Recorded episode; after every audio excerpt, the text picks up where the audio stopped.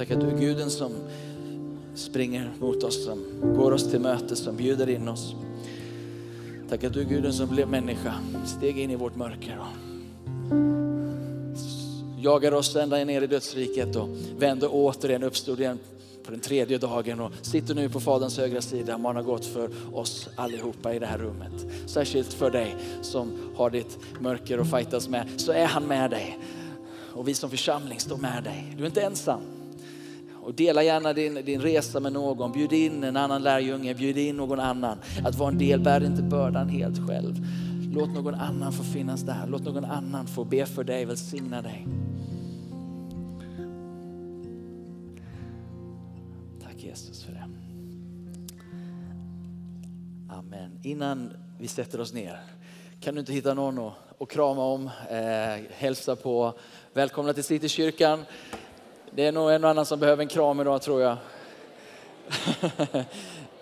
um.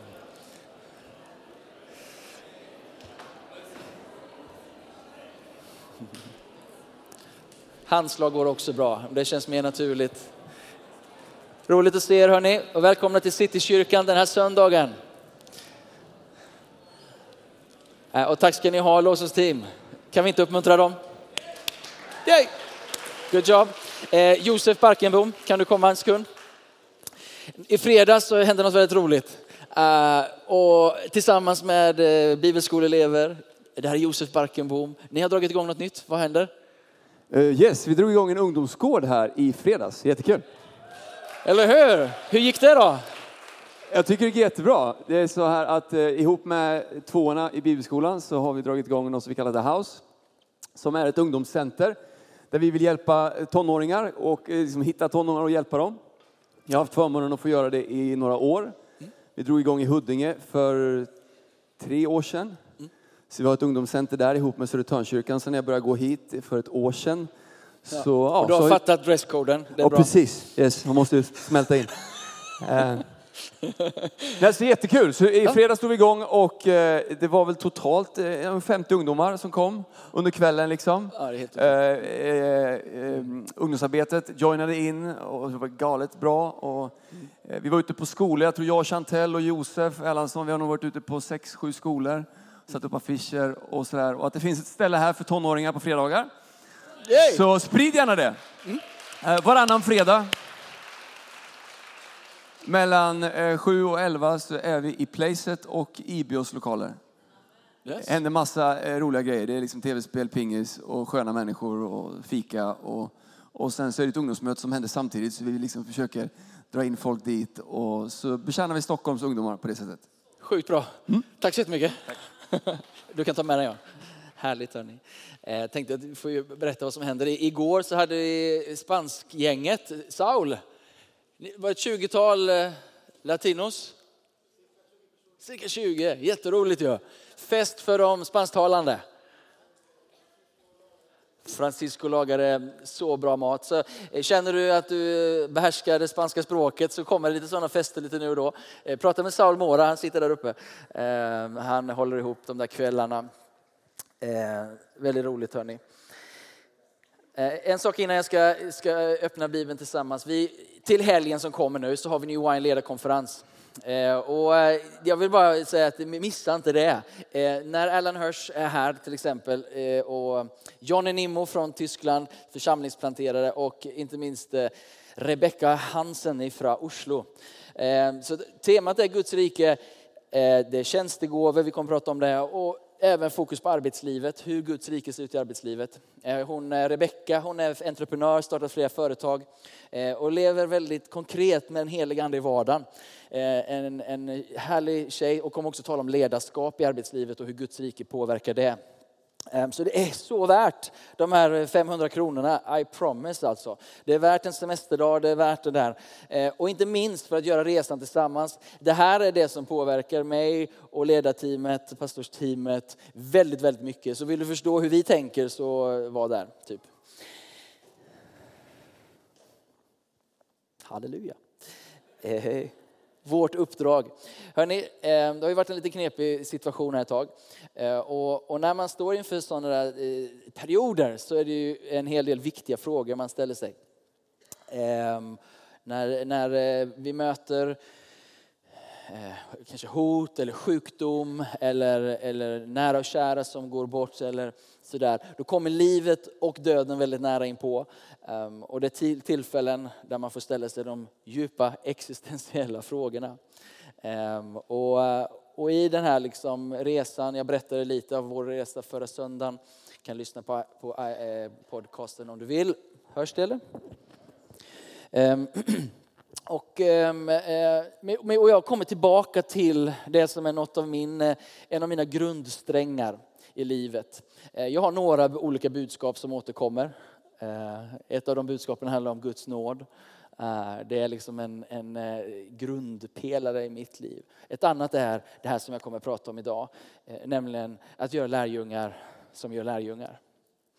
Ehm, att det vi håller på med i sin essens, i sitt, i sitt djupaste eh, eh, grund när det kommer till vårt görande. Det som handlar om vad vi faktiskt är här för att göra, vårt uppdrag. Eh, och det tar oss till Matteus kapitel 28, vers 18. Eh, så vill jag i den här tiden när vi gör väldigt mycket som församling, vi har olika eh, samlingar, vi, vi når ut på olika sätt, vi samlas i kyrkan och vi driver på. Men vi får inte glömma vad det är som är the core, vad är hjärtat? Vad är det vi är här för att göra? Vad är syftet med? Vi har ett team som är ute och har kaféer på fredagar. några av er sitter här. Det är så fantastiskt att ni gör det där. Når ut till nya människor. Eh, vi har ett växande lovsångsarbete som är fantastiskt. Men vad syftar allt till? Vi har ett barnverksamhet som, som, eh, som är fantastisk. Men vad syftar det till? Vad gör vi? Vad, vad, är, vad är essensen? Och om vi går vidare här. Ah, så handlar det om. Matteus 28 och 18 att jag får slå upp min bibel helt enkelt. Och du också kanske. Eh, ursäkta? Nej, det är nog ingen som ser. Är där? Ja, vi kör. Där har vi den. Okej. Okay. Det kommer. Vad sa du? Nya skärmar, ett äskande. Eh, här kommer det i alla fall eh, ur eh, den analoga versionen. Eh, då trädde Jesus fram och talade till dem och sa, åt mig har getts all makt i himlen och på jorden. Gå därför ut och gör alla folk till lärjungar. Och jag har ett utropstecken i min bibel. Det står inte där i grundtexten, eh, men det ligger ändå där. Döp dem i Faderns, Sonens och den heliga Andes namn. Jorge Moreno, eller hur? Döpa människor får in i gemenskapen, Guds gudom, den gudomliga gemenskapen, Fader, Son och heliga Ande. Där börjar det i gemenskap. Och sen står det att vi ska lära dem att hålla allt som Jesus har befallt. Och då kommer det här fantastiska att Jesus, han är med oss. Han säger att han är med oss alla de dagar, även de dagar då vi inte gör det här. Men på något sätt så tror jag ändå att han är med oss lite särskilt när vi gör det här. Och han har lovat att göra det tills tidens slut. Så det finns inte en dag när vi gör det här som han inte är med oss, utan han är med oss alla, varenda, varenda dag då vi ger oss till det här.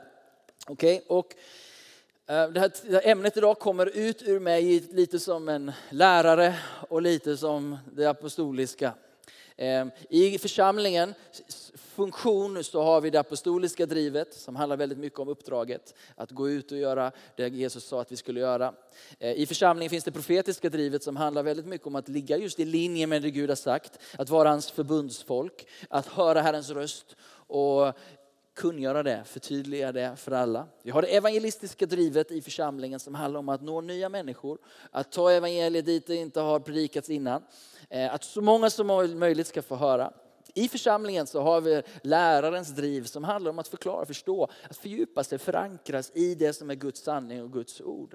Att bli stadig, att få instruktioner om hur vi kan tillämpa livet med Jesus. Vi har herdens driv och funktion som handlar om att samla och beskydda. Handlar om att eh, föra människan in i gemenskap med Gud och med varandra. Att bygga sunda relationer, en sund gemenskap. Allt detta finns och bör finnas i en sund församling. Men uppdraget har vi gemensamt. Uppdraget handlar om det här, att göra alla folk till lärjungar. Att föra människor in i lärjungaskap till Jesus. Och för att vi ska kunna göra detta behöver vi all denna driv, all, denna, all den nåd och kraft som gestaltas i tjänstegåvorna. Eh, så idag, eh, jag skulle väl säga om jag ger en självskattning på mig själv, att jag har framförallt ett, ett, ett lärarens driv i mig och ett apostoliskt driv i mig. Så när jag förkunnar och när jag talar så hör du oftast de två nyanserna även om det andra finns också. Okej? Okay? Så vilken nyans ha, finns i dig? Vad är det som resonerar i dig? Vem är du? Vad är det som primärt sticker fram? Är det det evangelistiska drivet om att nå nya, föra nya in i gemenskap? Är det herdens driv som handlar om att både ta hand om och vårda och skydda och erbjuda gemenskap? Eller något av de här fem finns i oss alla. Så det är väldigt spännande och intressant att få ta reda på det. Det var egentligen en liten passus. Hur som helst. Ehm, om vi, back, om vi ser lite till helheten av skriften, Bibeln, så har vi det här uppdraget redan från början. Ehm, om vi går på nästa slide så, så vill jag bara ge, nu blir det en en liten text, men Matteus 28 och 19, det där var vi precis.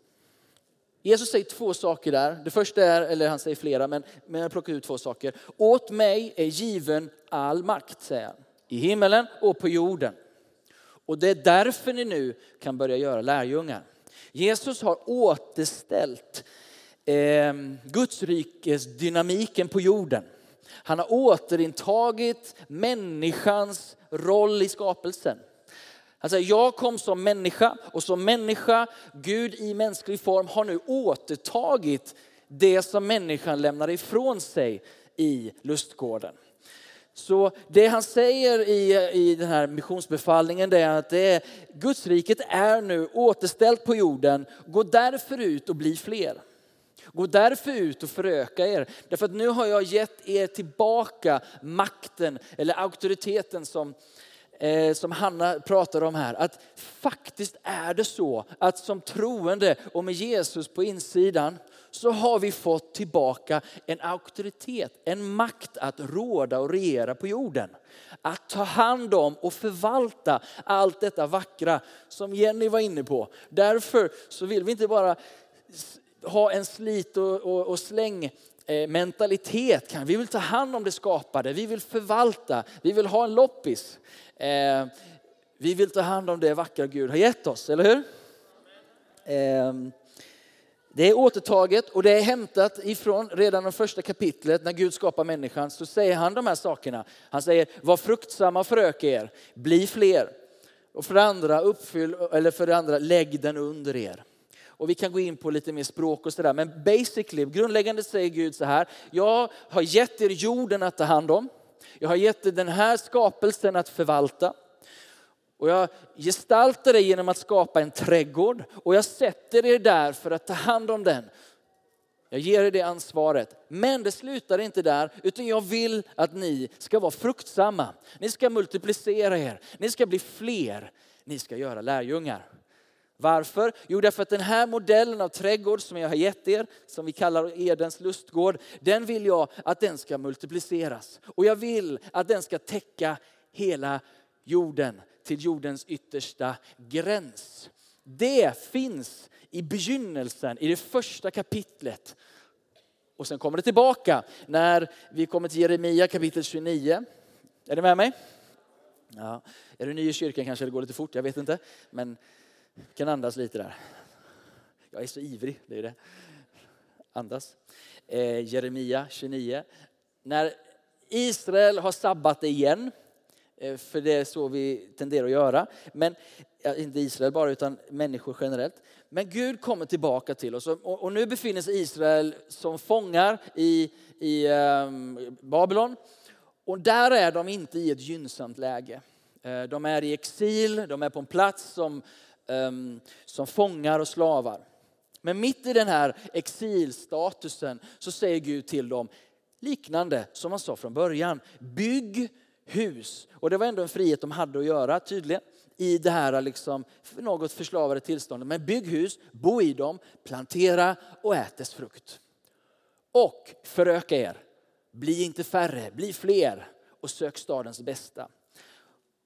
Hör du budskapet? Det är två budskap. Det ena är förvalta. Ja men vi är i Babylon nu. Vi är ju inte där vi borde vara. Nej, det spelar ingen roll. Uppdraget är detsamma. Du kanske inte är på den, din drömarbetsplats just nu, spelar ingen roll, uppdraget är detsamma. Du kanske är liksom i en fas där du väntar på någonting, spelar ingen roll, uppdraget är detsamma. Du kanske uppfattar att du är i exil, spelar ingen roll, uppdraget är detsamma.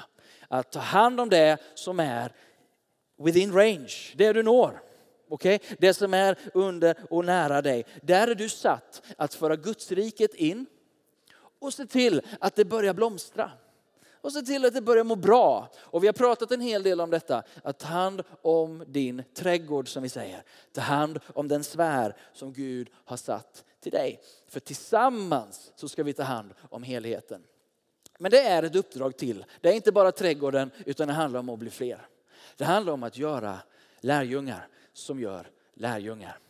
Det är, det är de här två delarna, om vi går vidare, uppdragets två delar. Om vi summerar de här tre bibelorden så kommer det två saker fram. Förvalta din trädgård på grund av att mandatet är återställt genom Jesus. Två, bli fler. Se till att fler hakar på det här uppdraget. Att ta Jesus-livet, att följa Jesus, att implementera det sättet han levde på i nya trädgårdar. Så där en trädgård som är brusten, nedbruten nu kan få en ny trädgårdsmästare som kommer in med ett nytt sätt att tänka, med nya värderingar på, på insidan och en annan Jesus och en helig andes kraft. Och där befinner du dig någonstans på en arbetsplats, i en familj och du och jag får vara med och tillämpa riket. Men uppdraget stannar inte där vid. Det handlar om att göra fler lärjungar. Det handlar om att göra lärjungar som gör lärjungar också. Är ni med? Ehm, och eh, om vi går vidare här. Så bara säga det här, uppdragets utgångsdatum. Eh, det finns en expire date och, och det ligger när vi står inför tronen. Och när du hör ett våldsamt rop med en stark röst som säger frälsningen tillhör vår Gud som sitter på tronen och lammet. Då vet du att uppdraget, nu har vi nått liksom expire date. Där slutar uppdraget. För där inför tronen så står det att han såg en stor skara som ingen kunde räkna, det är ganska många. Det måste vara väldigt många. Ja. Av alla folk och stammar och länder och språk. De stod inför tronen och inför lammet klädda i vita kläder med palmblad i sina händer. Palmbladen som handlar om att vi ser vår kung, vår kung, eh, Guds rikes kungen sitter på tronen. Och här står vi nu, alla folk och alla stammar. Matteus 28 handlar om att gå ut och göra lärjungar av alla folk. Alla folk står nu inför tronen. Där har du utgångsdatumet på missionsbefallningen. Är du med? Och vi befinner oss däremellan. Vilket innebär att uppdraget är ännu inte slutfört. Och därför har Jesu ord fortfarande verkan. På mig och på dig. För det var inte ett missionsförslag. Det var inte en missionskommitté som kom med ett förslag. Vi kanske borde göra det här. Utan det var kungars kung och herrars herre, given all makt i himlen och på jorden. Han sa, är ni mina lärjungar? Vem är mina lärjungar? Gå ut och gör alla folk till lärjungar. Jag befaller er. Det är inte ett förslag. Är ni med? Och det får vi förhålla oss till. Att det är uppdraget. Att det är det allting syftar till. Det är därför vi fortfarande är här. Och, och lite krasst sett, jag är lite krass idag, hoppas du klarar det. Eh, det finns egentligen två typer av människor. Eh, eller, eller två typer av gemenskaper om du vill. Men, och, och det handlar ju om huruvida vi följer Jesus eller inte följer Jesus. Det finns de som följer Jesus och det finns de som inte följer Jesus. Och bland de som inte följer Jesus så finns det de som tror på Jesus och de som inte tror på Jesus. Det är ju så lite, att, att, att, bara för att vi tror på Jesus är det inte nödvändigt så att vi följer Jesus. Och det är där det blir lite ouch. Och sådär. Vad gör jag med det? Och hur ser det ut i mitt liv? Um, på, på, för det här är ju en process då. Det här är ju en resa vi gör där vi önskar att mer och mer på område efter område följa Jesus. Så det går tillbaka till hjärtefrågan. Hjärtefrågan.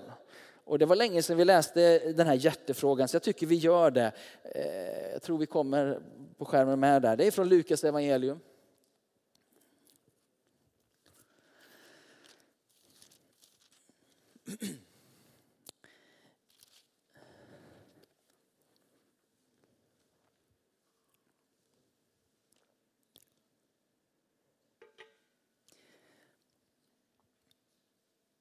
Så Jesus säger så här jag läser hela, hela lite mer än vad som står just där. Eh, från vers 23 dock. Sen, sen sa han till alla, alla här idag, och alla ni som lyssnar på podcast eller eh, någon annanstans. Om någon, en öppen fråga, om någon här idag vill följa Jesus så ska hon eller han förneka sig själv och varje dag ta sitt kors och följa mig. Och han säger att den som vill rädda sitt liv, han ska mista det. Men den som väljer att mista sitt liv för min skull, han ska rädda det. Upside down. För vad hjälper den människa om hon vinner hela världen men mister sig själv eller går förlorad? Så sant, eller hur? Och det är någonting när Jesus presenterar det här och som också går tillbaka till oss. Att är den Jesus vi följer, eller Jesus i oss, så attraktiv, förstå mitt språk rätt, att människor faktiskt är beredda att lägga ner sitt liv för att följa den Jesus vi presenterar. För det är någonting i det här som, som när de hör det här, så det de ser framför sig och så värderar de, så, oj hur mycket pengar har jag på kontot och lite så här. Och så är det någonting som framträder som ändå gör det värt det. Det är någonting med den här Jesus som säger att jag, alla lärjungar utom en nu då, utom Judas, men alla de andra säger jag är beredd att betala med mitt pris, med mitt liv. Jag är beredd att lägga ner mitt liv. Jag är beredd att dö för att följa den här Jesus. Ehm, och det där svider ju. Ehm, naturligtvis. Men, men, men, och, och, men vad jag är ute efter här, det handlar inte om någon form av du måste lägga ner, vilja dö för Jesus. Liksom. Utan att, att när vi får möta med Jesus, när, när Jesus blir den han verkligen är. Jag vet inte, jag bara smälter. Han, han behöver inte bända en enda led på mig. Och i tider som nyss har varit, när, när, liksom, när hoten har varit, liksom, när man känner när det blir lite mer på riktigt än vad annars det är så känner jag så här, när jag, när jag för mitt inre möter Jesus, känner jag Jesus, jag vill tjäna dig vad det än kostar. Jag vet inte vad jag säger ja till riktigt, men när jag ser i dina ögon, när jag möter dig Jesus, då är det värt allt. Då blir de här texterna, Jesus du förtjänar allt. På riktigt. På riktigt. Och det är inte ett fattigt liv.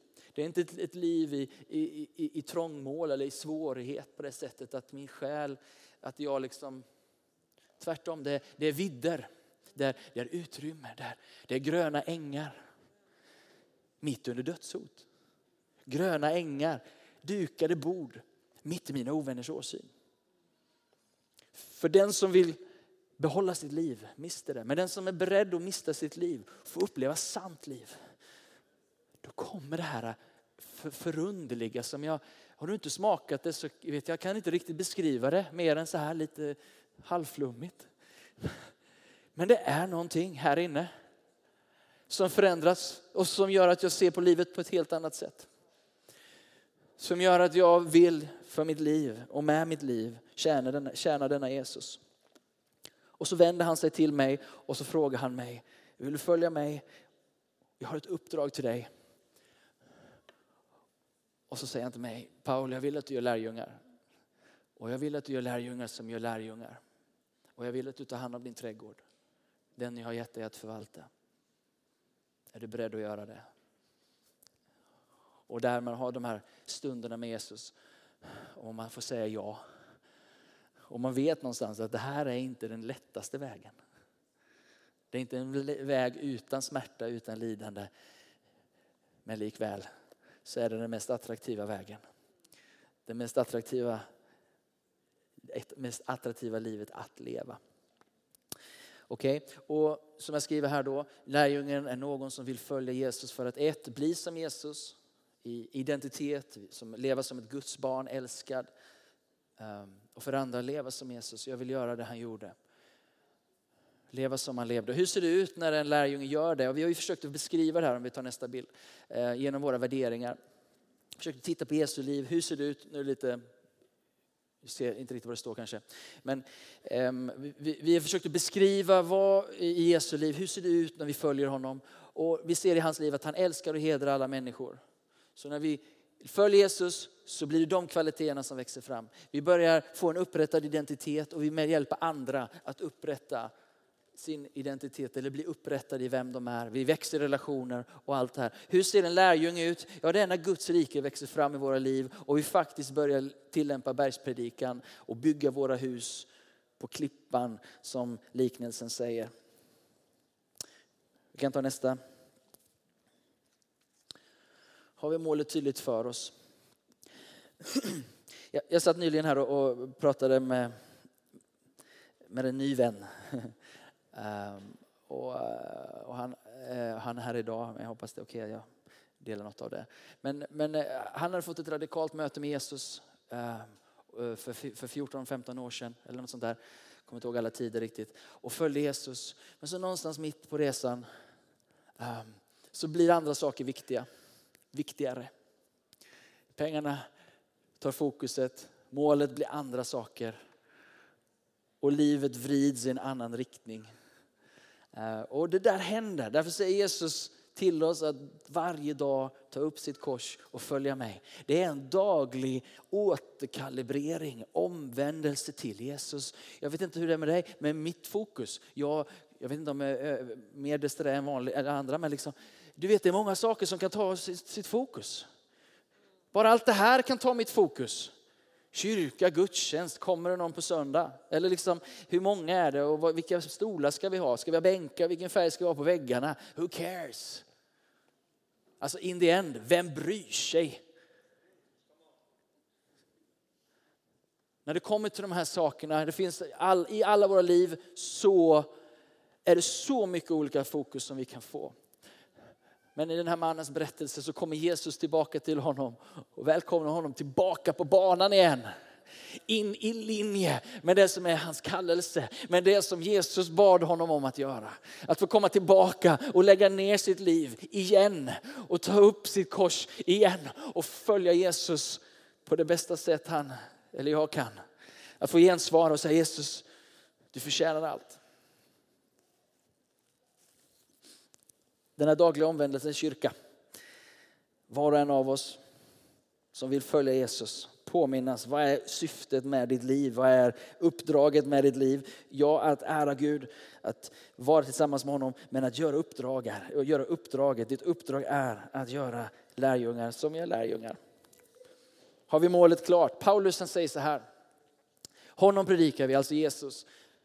Genom att förmana varje människa, undervisa varje människa med all vishet för att föra fram varje människa som fullkomlig i Kristus. För det målet arbetar och kämpar jag i hans kraft som verkar mäktigt i mig. För det målet. För det målet. Att få föra varje människa jag är så tacksam för den här församlingen och den resa vi fått göra här tillsammans med er de sista elva åren. När vi startade bibelskolan. Att för år efter år, det är ett uttryckssätt, ett sätt att göra det på. 20-tal efter år efter år, kanske 200 nu. Där vi har fått sitta ner och brottas med enskilda, varje troende och forma dem tillsammans med den heliga ande till Kristuslikhet. Att år efter år, år efter år få lägga ner sitt liv och göra som Paulus förhoppningsvis som han säger. Jag, jag, jag ger er inte bara evangeliet att jag ger, vi ger oss själva. Och jag förstår om inte alla är beredda att göra det. För det är hårt arbete. Jag, jag fick vatten på min kvarn här i, i, i veckan. Jag träffade Dick, Dick eh, Brogden. Är det någon som vet vem Dick Brogden är? Var det någon som var i Huddinge? Var du där och lyssnade på honom? Jag var och käkade middag med honom i torsdags. Han, han är Assemblies of God-missionär, levt i Kairo jag vet inte, tio år eller något sånt där. Ehm, och är nu på väg till Saudiarabien för att starta en församlingsrörelse. Jag vet inte, men jag, jag är ju bara gjord sån att jag går igång på alla, alla cylindrar. Ehm, men så satt vi och pratade om att göra lärjungar och vi pratade om att göra lärjungar i den här kontexten och vi pratade om väst och, och även då i, i Mellanöstern när det är tuffare på andra sätt. Um, och, och, så sa han så här. Ehm, jag måste eh, se bara så att jag citerar rätt här.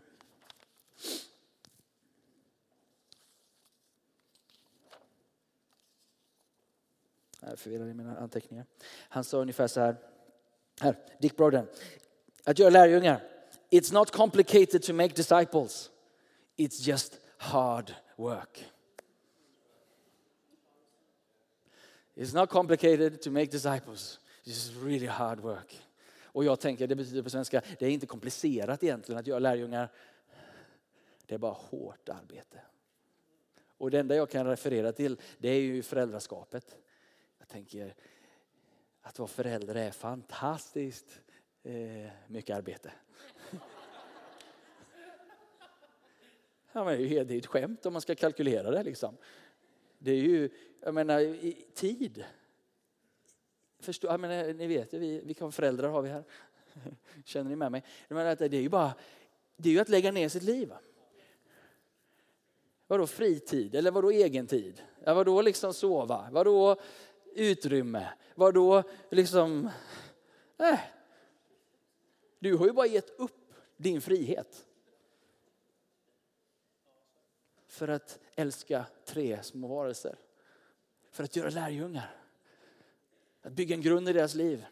Att få investera av kärlek, tid, av mig själv tillsammans med min fru för att lägga en grund så att de kan gå ut och lägga jorden under sig. Förstå språket och förökas och bli fler.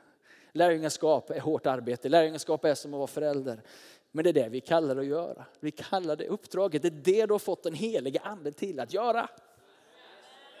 Det är därför det är därför vi har fått kraft ifrån ovan för att bli hans vittnen till jordens yttersta gräns. Att göra lärjungar i Stockholm, att göra lärjungar i en av världens mest sekulariserade städer som en del säger.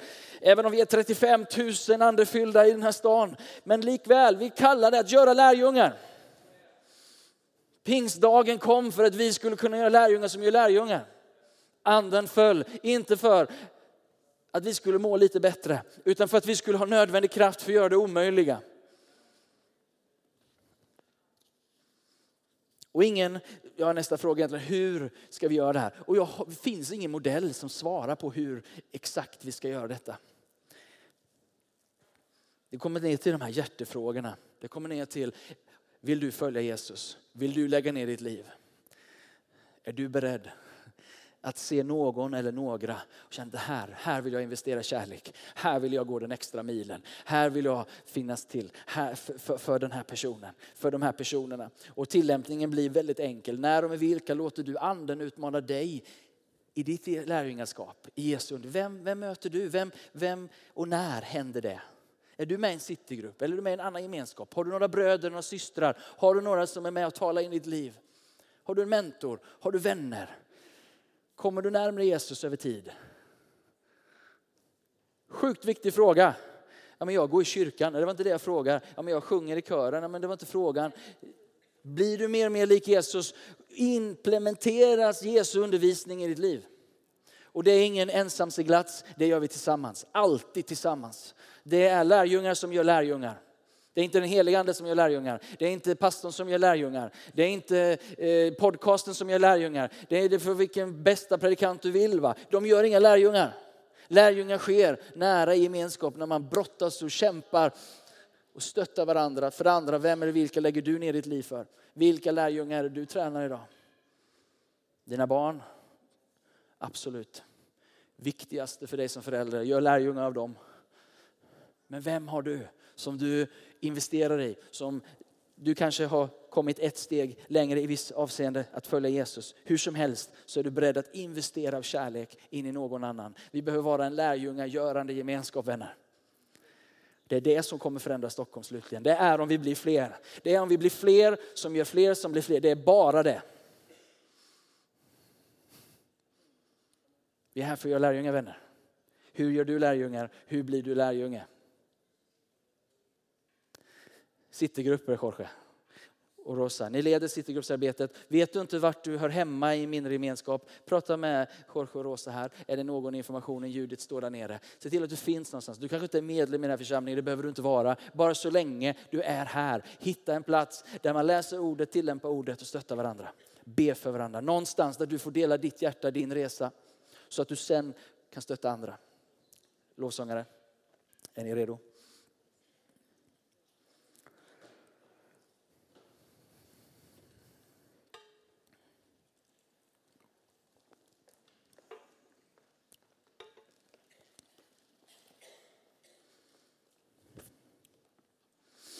It's not complicated to make disciples, it's just hard work.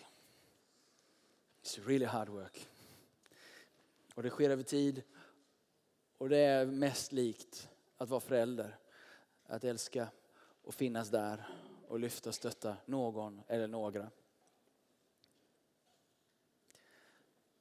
Och Jesus säger så här, om någon vill följa mig. Helt öppen fråga. Om du vill följa honom, är du beredd att lägga ner ditt liv? Är du beredd att förneka det som är din rättighet för att ta emot hans uppdrag, hans liv? Och du som har sprungit lite vid sidan om. David kan få lägga lite skön bakgrundsmusik så vi får lite stämning här. Nej.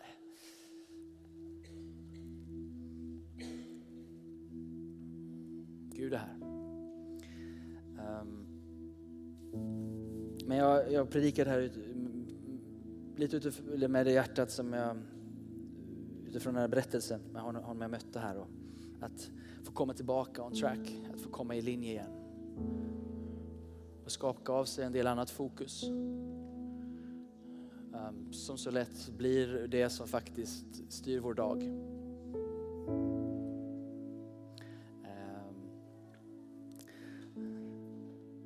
och jag behöver inte bli för dramatisk men, men igen när man ställs inför livet och döden, när man ställs inför olika sådana saker, då funderar man, vad är det jag vill ha uträttat på något sätt? Vad är det jag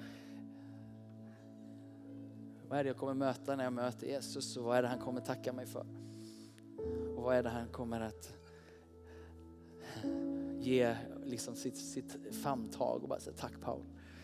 Och jag kan säga att det räcker. Men jag vill att det ska vara det jag lever för nu. Jag vill att det ska få vara högt på min lista nu. Jag vill att det ska få styra min dag och mina prioriteringar.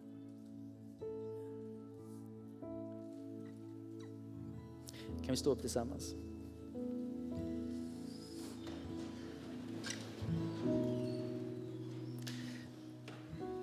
Mitt, mitt ingångsvärde här idag när jag möter er och när jag tänker på, på oss alla här, tänker jag att jag tror att de flesta i det här rummet säger ja jag vill följa Jesus. Det är mitt hjärtas längtan. Och jag skulle vilja göra lärjungar. Men jag vet inte riktigt vilken väg jag ska gå. Det är lite som eh, i Sagan om ringen. När, först när Mary, eller om det är Mary eller Pippin som, som eh, kommer till, liksom underfund med, yes, vi har ett uppdrag. Where are we going? Eh, eller Frodo kommer ut ur Rivendale där och så ska han gå liksom, nu ska vi göra det här stora uppdraget och så frågar han Gandalf, which way is Mordor? Vad ska vi nu liksom? jag tänker att många, jag tror vi är där. Jag tror inte du skulle vara här annars. Du vill följa Jesus. Where's the way? Kan vi bara vara bedjande?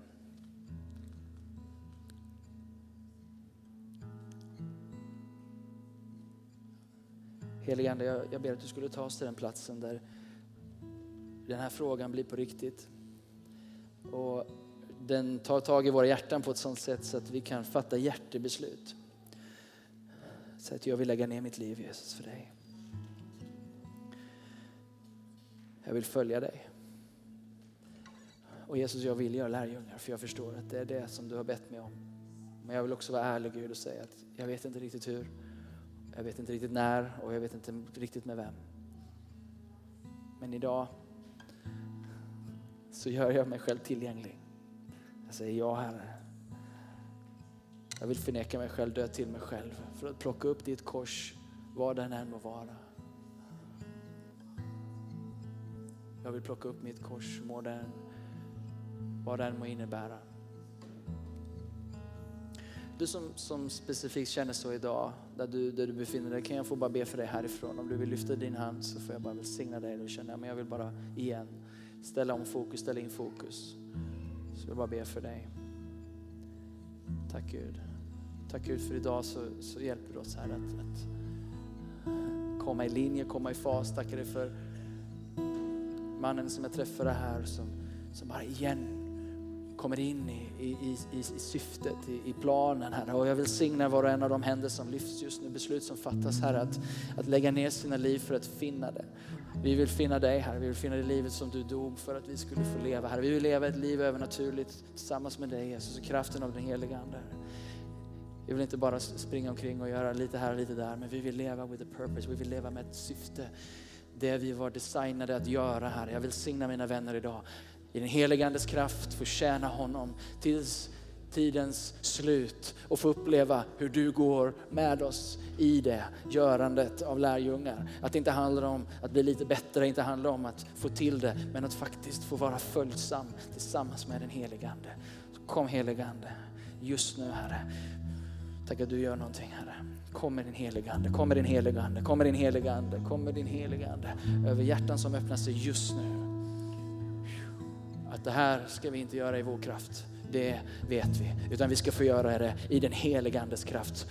Den heliga Andes kraft ska komma över dig till att bli hans vittne i den här staden, i Sverige, Europa och till jordens yttersta gräns. Halleluja. Jag kommer alldeles strax öppna upp eh, böneplatserna här, men vi har lite kunskapens ord också. Innan innan mötet. Innan mötet samlades eh, eh, några förebedjare